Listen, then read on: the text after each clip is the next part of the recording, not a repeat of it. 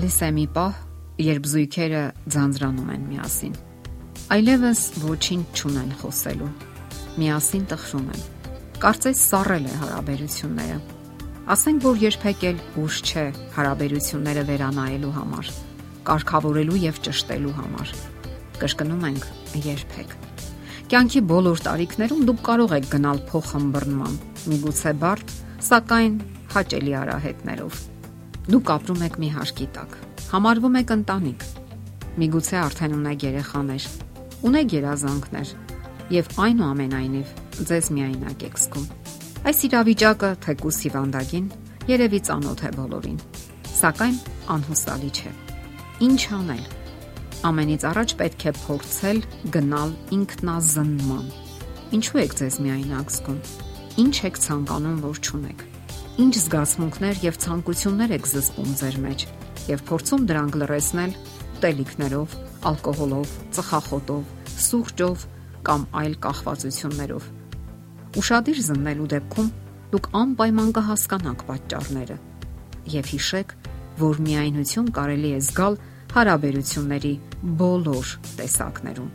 ինչպես նաեւ կյանքի բոլոր իրավիճակներում։ Դա մարդուն հատուկ զգացում է մենք խորապես միայնակ ենք զգում, երբ ցանկանում ենք գնալ մտերիմ եւ անկեղծ հարաբերությունների։ Ցանկանում ենք կիսվել մեզ տանջող եւ հուզող հարցերով, սակայն ոչ ոք պատրաստ չէ լսելու եւ հասկանալու մեզ։ Իսկ ամուսինների կամ ընկերների դեպքում դա իսկապես ցավալի է,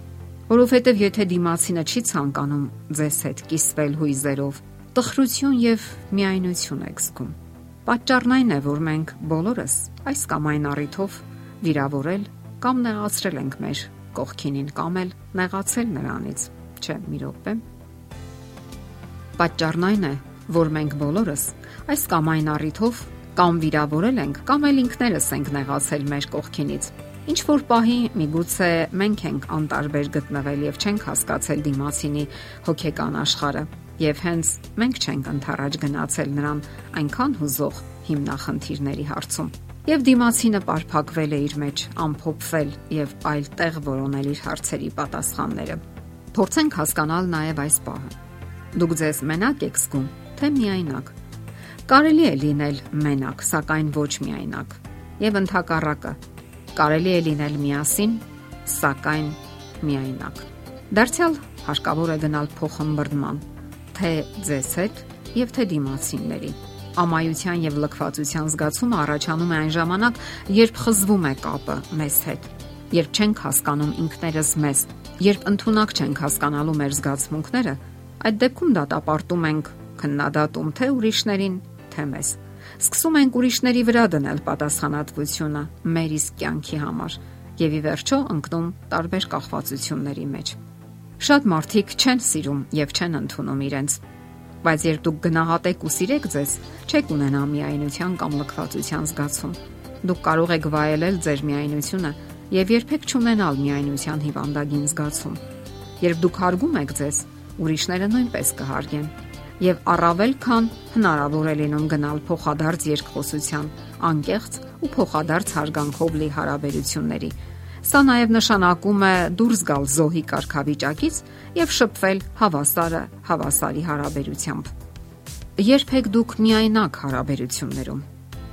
երբ ձեր սիրտը փակ է անկեղծ եւ հոգեկան հարաբերությունների համար երբ վիրավորված եք կամ պաշտպանվում եք վտանգավոր ներխուժումներից կամ էլ ընդհակառակն է ձեր կողակիցը կամ ձեր ընկերն է այդպես վարվում Նկատեք նաև, որ միայնություն եք զգում, երբ կարճում եք հեռուստացույցից, համացանցից, հեռախոսից։ Իսկ նկատել եք, թե ինչքան մարդ է այսօր պարզապես հիվանդագին կախվածության մեջ հենց հեռախոսներից։ Շատերն էլ արգելափակում են հարաբերությունները, խորասուզվելով աշխատանքի կամ մարդկային անառողջ հարաբերությունների մեջ։ Բամբասանք, ալկոհոլ եւ այլն։ Պետք չէ խուսափել առողջ վիճաբանություններից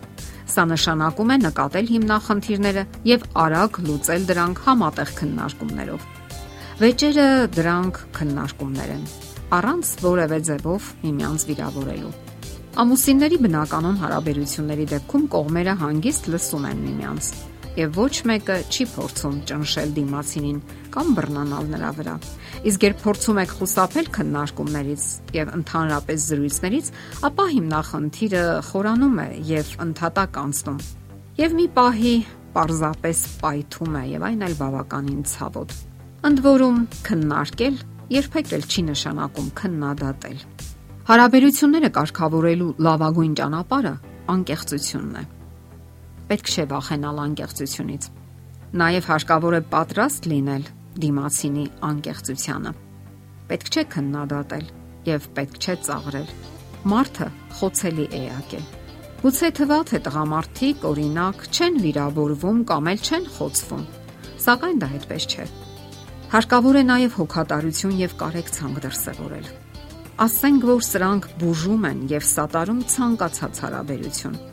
Նաև հարկավոր է միասին զրուցել, միասին խաղալ, կիսվել անկեղծ ու ազնիվ ձևով, ճպտալ, ծիծաղել, միասին որևէ գործ անել։ Նաև հարկավոր է, որ ամեն մարդ ջանա, որ իր դիմացինը աճի ու զարգանա։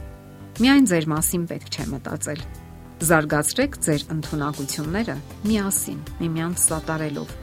Եթե դուք այսպես միասին լինեք, ապա երբեք միայնություն չեք զգա դիմացինը